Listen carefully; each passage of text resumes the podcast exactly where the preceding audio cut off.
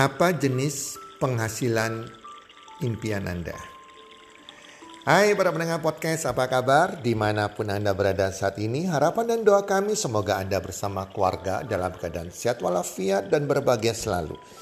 Dan pasti-pastinya rezeki Anda akan makin bertambah dari hari ke hari dan dari bulan ke bulan. Serta kami doakan apa pun yang Anda kerjakan di tahun fiskal ini, di tahun ini, dijadikan berhasil oleh Tuhan Yang Maha Esa. Apa jenis penghasilan impian Anda? Para pendengar podcast, sahabat podcast Health and Well Community, saya bersyukur sekali dalam hidup saya, saya pernah membaca buku dari Robert T. Kiyosaki, yaitu Cash Flow Quadrant. Pada saat saya menjadi pengusaha hasil bumi, saya sadar sekali dan menyadari paradigma saya langsung berubah begitu saya membaca buku Kesro Quadrant dari Robert T. Kiyosaki. Dan saya disadarkan, mindset saya terbuka, bahwa saya berada di kuadran mana, penghasilan saya penghasilan di kuadran mana, dan apakah itu penghasilan yang saya idamkan dalam hidup saya atau bukan. Dan saya sadar sekali bahwa oh ternyata penghasilan saya sebagai pengusaha hasil bumi ternyata itu bukan penghasilan idaman saya. Penghasilan idaman saya adalah penghasilan di kuadran kanan, kuadran 3 dan kuadran 4. Nah teman-teman, pada kesempatan podcast kali ini saya akan membahas tentang empat jenis penghasilan yang diceritakan oleh Robert T. Kiyosaki di bukunya Cash Quadrant. Dan sambil Anda mendengarkan, Anda renungkan apakah itu jenis penghasilan yang Anda memang sungguh-sungguh butuhkan yang menjadi impian Anda atau bukan. Atau mungkin Anda sama dengan saya karena kurang informasi sehingga kita nggak menyadari penghasilan impian kita, impian penghasilan kita harusnya yang mana yang harus kita kejar. Castle Quadrant Robert Kiyosaki menjelaskan bahwa ada empat cara atau empat macam penghasilan yang setiap orang akan terima. Tergantung dari profesi dan pekerjaan dan bisnisnya.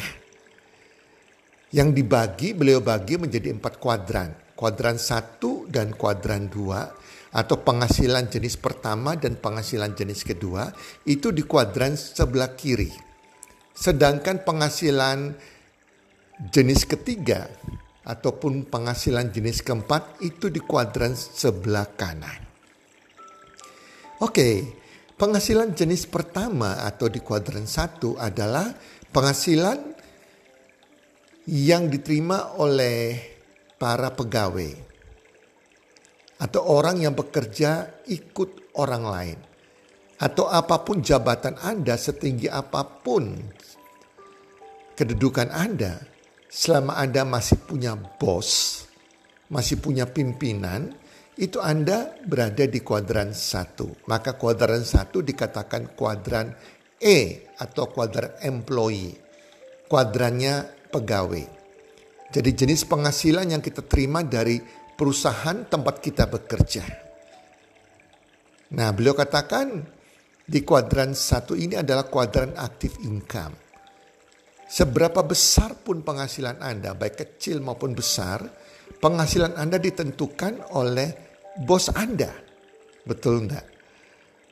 Penghasilan Anda juga ditentukan juga karena Anda menukarkan skill Anda kepandaian Anda, Anda menukarkan waktu Anda dengan uang.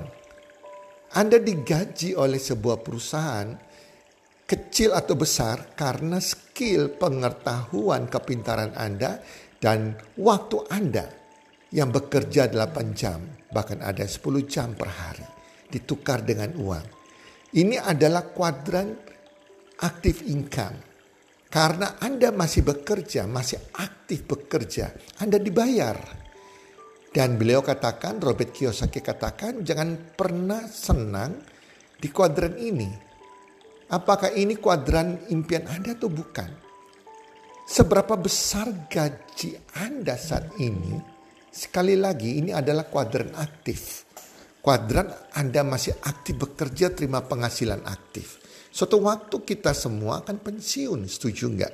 Kita nggak bekerja lagi karena faktor usia atau faktor karena kita sakit, kita diberhentikan oleh perusahaan kita, ataupun karena perusahaan kita bangkrut. Pada waktu krisis moneter, krismon kita melihat pandemik, begitu banyak perusahaan-perusahaan bangkrut. Perusahaan-perusahaan besar yang sudah puluhan tahun, ratusan tahun saja bisa bangkrut. Begitu perusahaan itu bangkrut, maka selesailah penghasilan Anda. Karena Anda sudah tidak aktif bekerja lagi. Sehingga penghasilannya stop.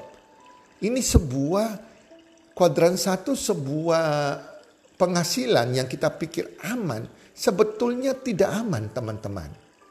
Tidak aman. Penghasilan kita ditentukan oleh perusahaan, oleh orang lain. Dan kita menukarkan kepandaian kita, skill kita, waktu kita yang dibayar oleh perusahaan. Nah, jenis penghasilan kedua atau kuadran dua adalah self-employed. Self-employed adalah orang-orang yang menikmati penghasilannya dari dia bekerja sendiri. Dia nggak punya bos. Jenis penghasilan kedua ini, jenis penghasilan self-employed, penghasilan diterima karena dia bekerja dengan profesi dia, profesi dia arti dia bekerja sebagai akuntan, notaris, pengacara, ya, uh, dosen, arsitek, apa pun profesi Anda, dokter ya. Nah, atau dia punya bisnis sendiri. Ya, bisnis sendiri entah sebagai pengusaha salon, kuliner, rumah makan, pengusaha yang punya toko-toko di mall, maupun orang asuransi, multi level marketing, apa pun ada di sini. Kuadran dua adalah kuadran self-employed. Jadi mereka bekerja untuk diri mereka sendiri. Mereka menikmati penghasilan karena usaha mereka sendiri, karena profesi mereka, karena kepandaian mereka, mereka buka usaha sendiri, atau juga karena mereka punya uang, mereka jadi pengusaha mereka menjual bisnis, menjual barang, memperdagangkan barang. Nah ini adalah kuadran kedua. Kuadran kedua juga bukan kuadran yang aman menurut beliau. Karena ini adalah kuadran tetap kuadran aktif income. Seorang profesional, dokter ya atau pengacara, notaris, dia masih bekerja dengan profesinya. Suatu waktu dia akan tua, betul enggak? Atau dia sakit, kecelakaan, gak bisa bekerja lagi, pensiun, maka penghasilan ini akan berhenti. Seberapa besar pun seorang dokter yang dibayar mahal karena terkenal sekali. Kaya raya, tetap itu adalah aktif income. Yang suatu waktu akan berhenti kalau dia sudah tidak bekerja lagi, tidak aktif bekerja. Jadi ini bukan sebuah kuadran penghasilan yang kira-kira aman. Padahal seharusnya tidak aman. Tergantung tunggu kapan waktunya Anda tidak bekerja selesai sudah. Ataupun pengusaha-pengusaha yang punya bisnis jual sesuatu itu juga pengusaha yang namanya pengusaha aktif income. Kalau pengusaha tersebut contohnya, contohnya teman saya, dia punya sebuah supermarket, keren kan punya supermarket, ya dia punya distributor berbagai macam barang-barang, keagenan. Tetapi sekali lagi ini adalah aktif income. Pengusaha teman saya ini dia harus aktif bekerja. Dia harus mengontrol perusahaannya. Dia harus hadir di tempat kerjanya. Suatu saat kalau dia tidak hadir, dia keluar negeri aja nggak bisa lama-lama. Karena semua perusahaannya itu tergantung dari dia sendiri. Nah ini berbahaya sekali. Walaupun dia sukses di mata orang, dia kaya raya. Tetapi bisnis dia adalah bisnis yang hanya memberikan aktif income. Suatu waktu kalau dia sakit, dia tidak mengelola bisnisnya, maka selesailah bisnisnya. Kalau dia wariskan ke anaknya, iya kalau anaknya bisa bekerja meneruskan usaha orang tuanya. Yang diwariskan adalah pekerjaannya kepada anaknya. Anaknya harus bekerja juga. Anaknya gak bekerja juga berhentilah penghasilan mereka sebagai seorang pengusaha. Jadi kuadran satu dan kuadran dua adalah penghasilan aktif. Bukan penghasilan yang aman walaupun kelihatannya aman tapi tidak aman. Apakah ini penghasilan yang Anda impikan, Anda idamkan atau bukan? Dulu saya berada di penghasilan aktif income di kuadran 2 sebagai pengusaha. Dan saya sadar sekali dibukakan oleh buku tersebut bahwa oh saya masih bekerja ya. Kalau suatu waktu kalau saya memang nggak bisa mengelola pekerjaan saya, semua di bawah kontrol saya. Tanda tangan cek pun harus saya. Yang mengeluarkan uang juga saya. Yang mengatur perusahaan juga saya. Kalau saya suatu waktu sakit, saya nggak bekerja lagi. Maka perusahaan saya akan terganggu karena saya tidak bisa hadir di tempat kerjanya. Itu saya sadar sekali. Bahwa kuadran ini, walaupun orang menganggap saya pengusaha sukses, tapi ini bukan kuadran impian saya. Nah di sini teman-teman, di sini adalah perusahaan-perusahaan atau orang-orang yang bekerja, gak punya bos, tetapi mereka bekerja. Mereka harus hadir di pekerjaannya dan mereka tidak punya sistem yang mewakili mereka. Mereka harus terjun langsung hadir di tempat kerja mereka. Kalau mereka tidak hadir akan terganggu pekerjaan mereka. Dokter kalau sakit tidak praktek maka income-nya akan berhenti. Demikian pengacara notaris sama juga teman-teman. Betul enggak? Nah, kemudian saya berdiskusi, berdiskusi dengan teman saya. Teman saya ini seorang anak muda, milenial, dan sukses di bisnis dia. Dia bertanya kepada saya, tetapi saya kan rasa pentinglah aktif income. Saya kan punya aktif income, penghasilan saya besar, ratusan juta per bulan. Saya punya deposito, segala macam. Dan saya katakan, oke, okay, ya itu aktif income. Anda kalau punya aktif income dikatakan Anda rich. Rich artinya kaya. Bahkan super rich, kaya. Tetapi menurut Robert Kiyosaki, orang yang sungguh-sungguh sukses bukan dari dia rich tetapi wealth. Arti sejahtera. Kaya dan sejahtera dua hal yang berbeda. Kalau sejahtera itu dari penghasilan pasif. Di mana Anda sudah tidak bekerja lagi, Anda punya penghasilan yang akan masuk setiap bulan tanpa Anda bekerja. Dan ini bisa diwariskan ke anak Anda, keluarga Anda. Itu penghasilan pasif. Nah kita lihat kembali lagi teman saya yang kaya raya ini. Saya katakan oke okay, nanti kamu coba pikirkan setelah kamu pulang Berapa sih tabungan depositomu? Kalau hari ini kamu berhenti tidak bekerja, mungkin faktor kamu tiba-tiba sakit, gak bekerja lagi, ya atau kamu sudah perusahaanmu kemudian tutup ya. Nah intinya kita nggak bekerja lagi. Kamu cek coba berapa penghasilan deposito kamu. Satu miliar, lima miliar, sepuluh miliar, lima puluh miliar.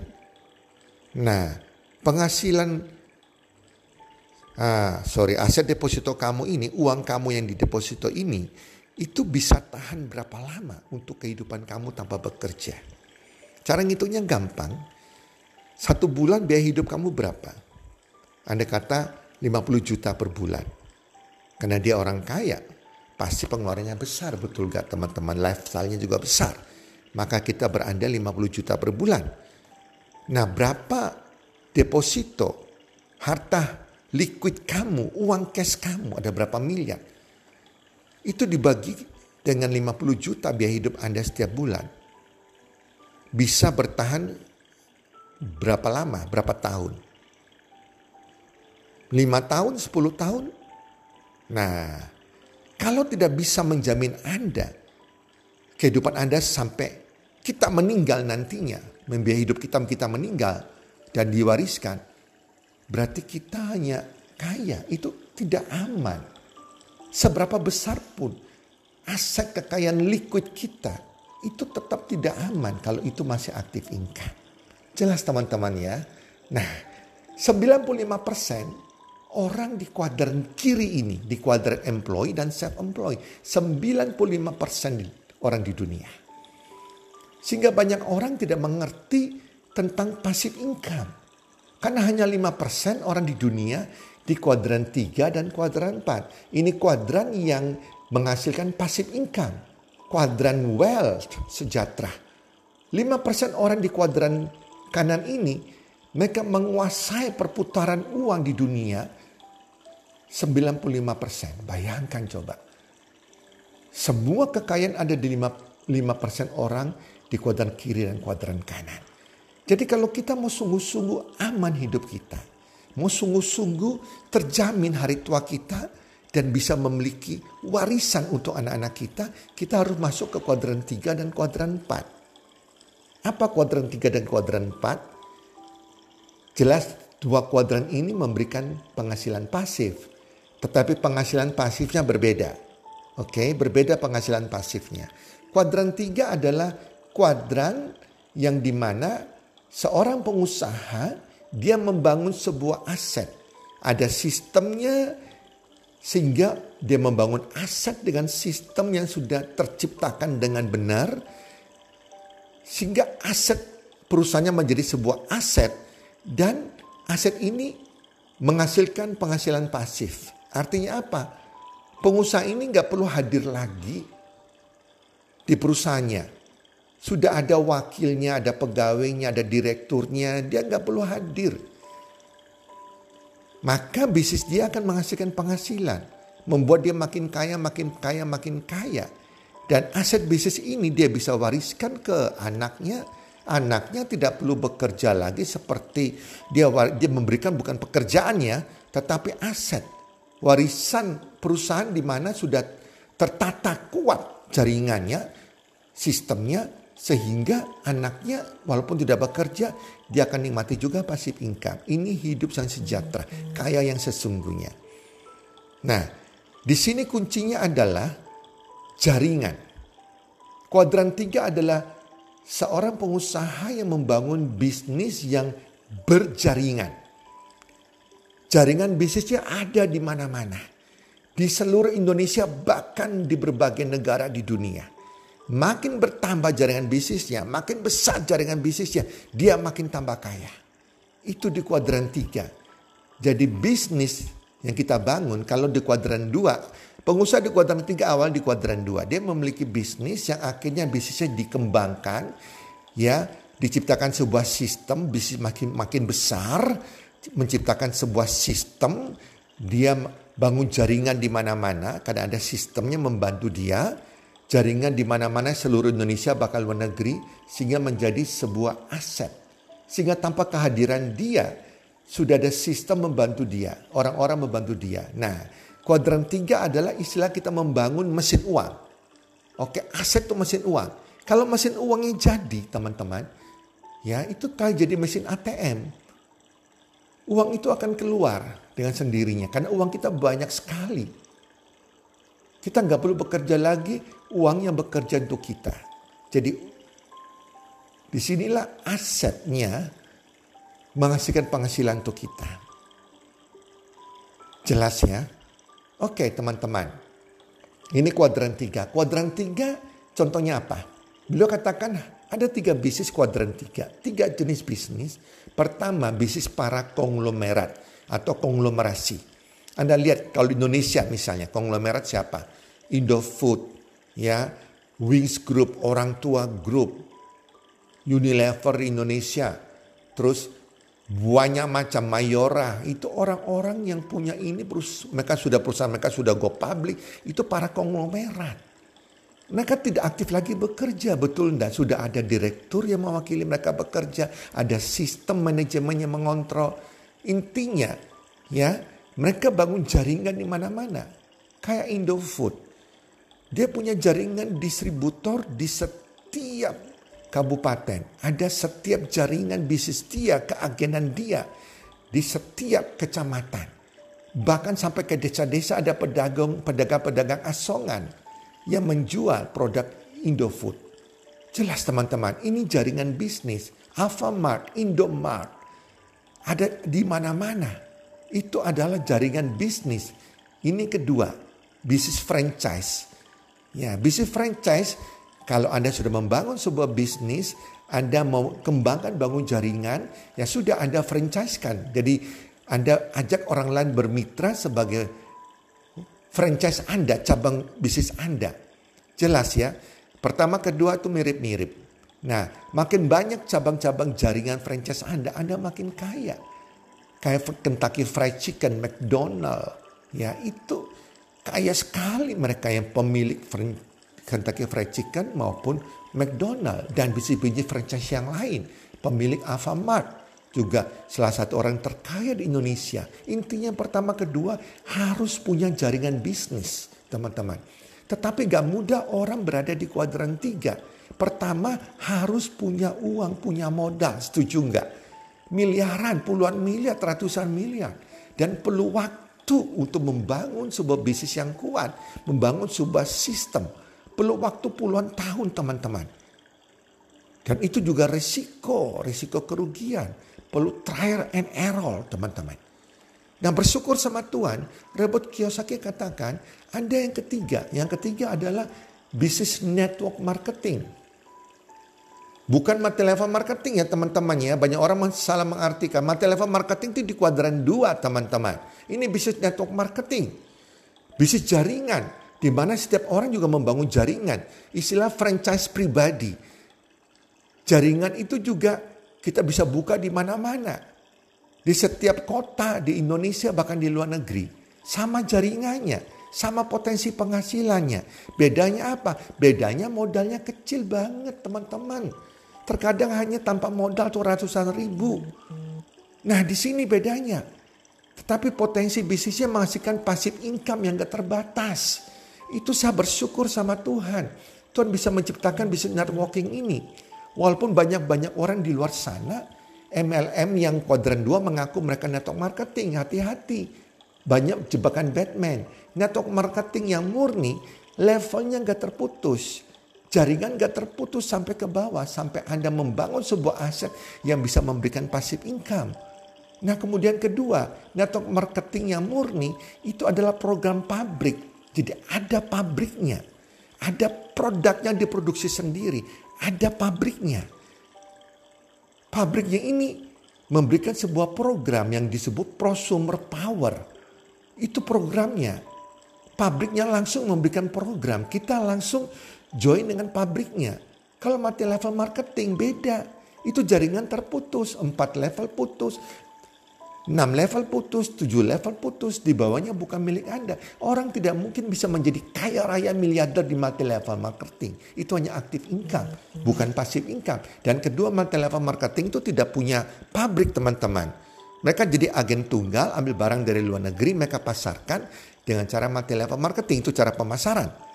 Kedua atau mereka suruh mereka punya formula tertentu ya mereka suruh pabrik obat atau pabrik nutrition ciptakan produk untuk mereka dengan formula mereka atau mereka suruh pabrik tertentu menciptakan barang-barang yang entah itu sabun ya uh, skincare atau apa pun yang mereka pasarkan sendiri secara mati level.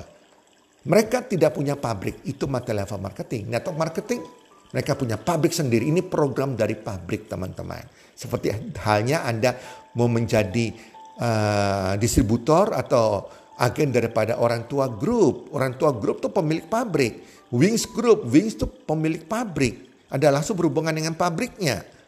Maupun bisnis franchise, Anda harus berhubungan langsung dengan yang pemilik McDonald misalnya, pemilik franchise-nya.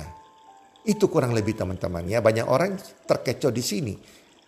Bersyukur Anda bisa masuk ke kuadran tiga punya pasif income, Anda membangun aset, membangun jaringan. Kalau jaringan Anda terbentuk sukses, Anda nikmati pasif income yang bisa diwariskan. Ya, tiga konglomerasi, franchise, dan network marketing.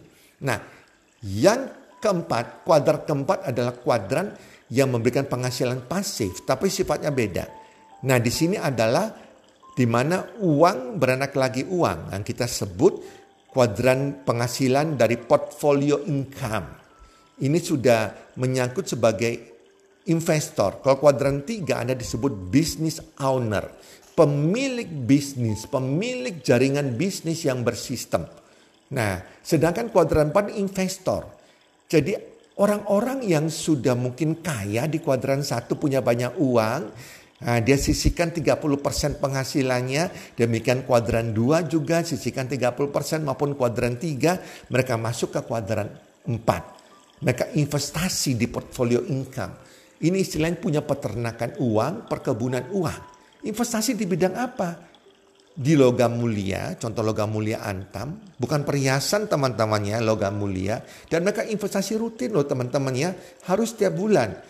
Investasi di reksadana ya itu tiap bulan juga teman-teman ya. Nah kemudian investasi ke saham yang didorong oleh pemerintah yang kita katakan menabung saham harus tiap bulan kalau mau menjadi kaya. Rutin konsisten.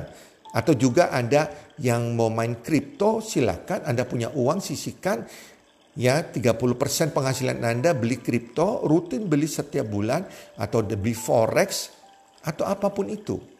Di sini adalah tetap ada risikonya high risk, high return. Risiko besar, keuntungan juga besar. Ada risiko, namanya investasi ini kuadran investor, pasti ada risikonya. Dan penghasilannya tidak diterima setiap bulan. Oke teman jelas teman-teman ya. Di sini Anda nabung. Kalau Anda punya logam mulia Anda Anda nabung terus. Kadang harga naik, kadang turun nggak masalah. Ditabung terus, tabung terus, tabung terus atau saham beli saham terus setiap bulan saham yang sudah Anda pelajari. Inti di kuadran 4 Anda harus punya pengetahuan. Anda kalau nggak punya pengetahuan Anda spekulasi. Anda gambling nggak boleh. Harus punya pengetahuan. Dan cari resiko terendah logam mulia atau saham harus punya ilmunya dan lakukan setiap bulan. Di sini Anda beternak uang atau uh, beternak Anda punya peternakan atau perkebunan uang.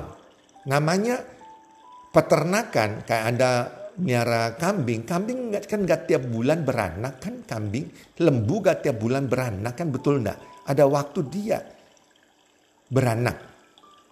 Anda punya perkebunan durian, perkebunan mangga, apa tiap bulan menghasilkan mangga? Enggak kan?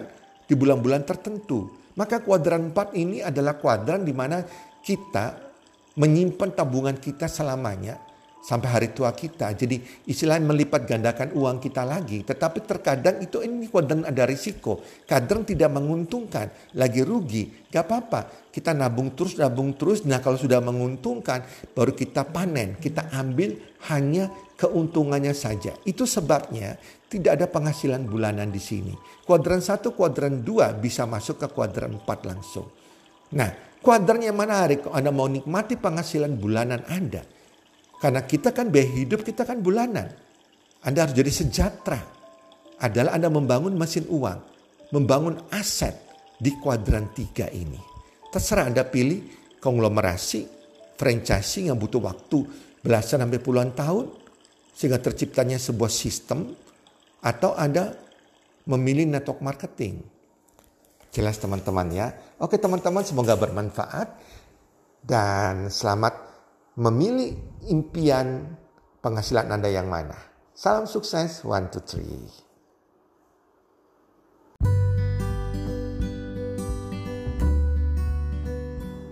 Terima kasih sudah mendengarkan podcast kami. Teman, jika Anda rasa bermanfaat podcast kami ini, Anda bisa menginfokan kepada rekan kerja Anda, keluarga Anda, teman ataupun sahabat Anda. Dan jika ada hal-hal yang Anda ingin tanyakan kepada kami ataupun topik-topik apa yang Anda ingin kami bawakan, kami sampaikan, Anda bisa DM kami di Instagram kami healthcommunity.id. Salam one two three, salam sehat, sejahtera dan bahagia.